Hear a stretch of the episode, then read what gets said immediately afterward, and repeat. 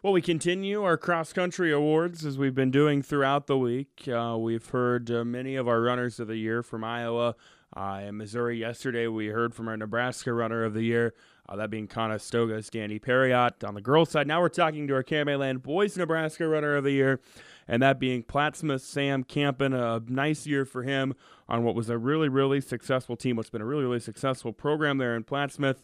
So it's fitting that he earns this honor, and he is with us now. Sam, how are things going today? Pretty good. How are you? Doing great. Thanks for joining us. Uh, first off, just talk about your season, man. Uh, another great year for you guys as a program. Uh, you end up with a strong showing as state as well. Uh, you know, what did this year mean to you? What were some of the things that stuck out to you this season? Well, this year for me was really just uh, it was a grind. Honestly, my junior year was honestly probably more successful than my senior year, but I think I earned more of my success in my senior year just because uh, at the beginning of the year I sprained my ankle and then I ended up getting sick twice during the year, but my teammates helped me battle through it and push out for a state medal in the end. So it just shows how the the true sport of cross country really is. It's just a grind. Yeah, and how gratifying was it to end the season like you did? You know, with the adversity that you went through the season, you mentioned battling some illnesses uh, and some injuries, but to still be able to perform at a pretty high level towards the end, that had to feel really good, didn't it? It felt amazing, honestly, and uh, it was really thanks to my coaches and my my teammates, as I said before, because uh, without them, I could not have done it. And honestly, my coach's training plan and uh, my teammates pushing me through every workout just really helped me till the end of the year. Again, talking with Sam Campin of Plattsmouth, our Nebraska Runner of the Year. Uh, you guys have had a great program there the last couple of years. I mean, really for a long time. Uh, you had a great season last year coming in this year. You finished in the top three and stayed as a team in 2020. Speak to maybe some of the, the pressure uh, that comes with running with a program like that year in and year out. Um, I wouldn't say there's really a pressure for us, honestly. Uh, we're kind of a team that we know that our coach is experienced, Coach Knott, and he knows what to do every year. And we as you uh, throughout your four years in high school, we do the same kind of things every year with maybe adjusting a few things throughout like a few weeks if we need an extra rest or a slower day or when you can kick it up a notch. And honestly, our whole program is aiming towards peaking for state, so we'll we'll do tough workouts uh, two days out of a regular meet in the season.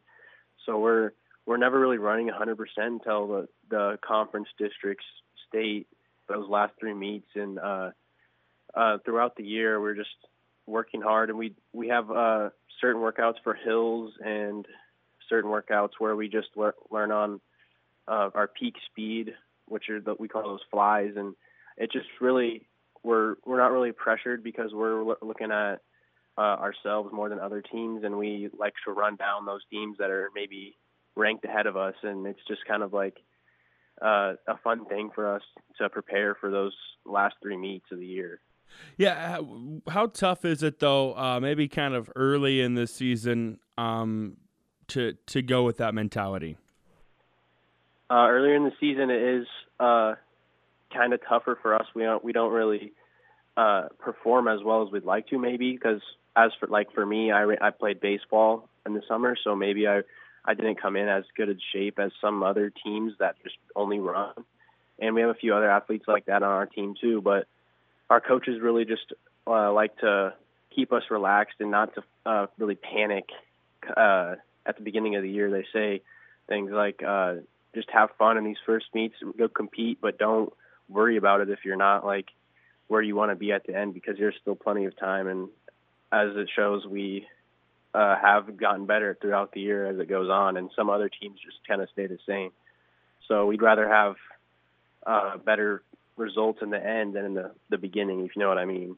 Yeah, absolutely. I I think a lot of people, a lot of teams would probably agree with that. Uh, it's just something that you know is, is, a very interesting way to approach it, and it's worked out well for you guys uh, throughout the time. Again, talking with Plattsmouth Sam Campin, our KMA Nebraska Runner of the Year.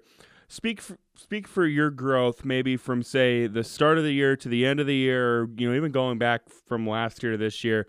You know what kind of clicked with you this season?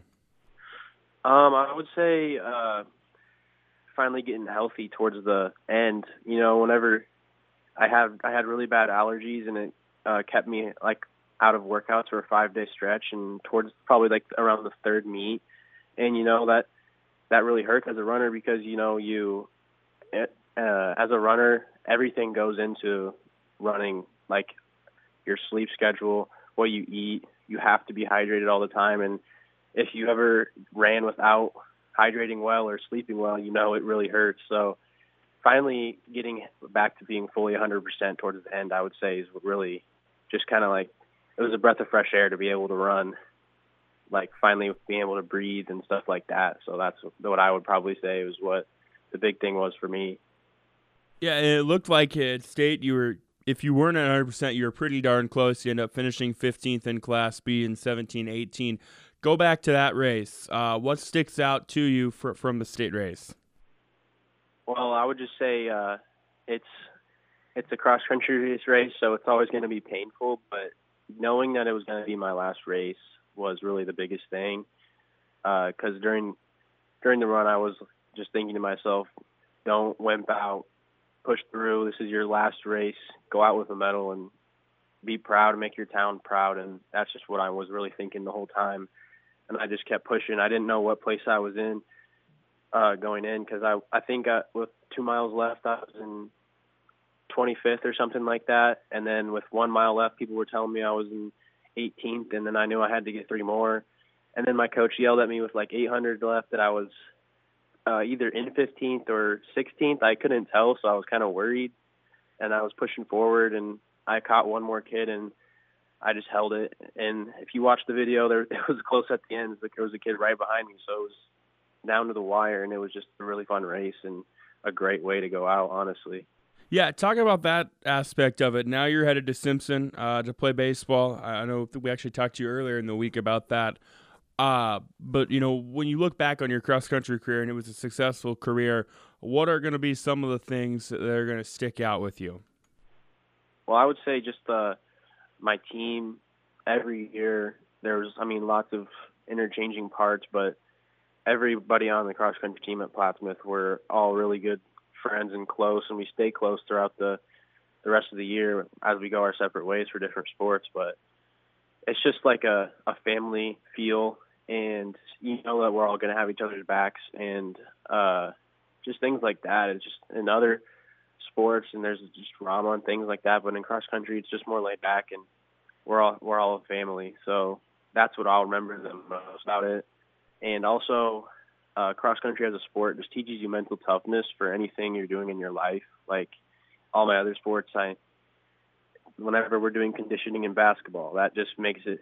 I'm not that like tired because it's just cross country is way harder, but so I can lead that way and I can help and doing the conditioning in baseball, I can lead because I have mental toughness and know what to do and stuff like that. It's just helpful in everything I do in my life. That's Plattsmouth Sam Campin, uh, very well deserved KMA Land, Nebraska Male Runner of the Year honor. Uh, what a great year for him. What a great career for him. Sam, thank you so much for the time today. Congratulations on what's been a fantastic career and fantastic season, and uh, take care. Thank you. I appreciate it.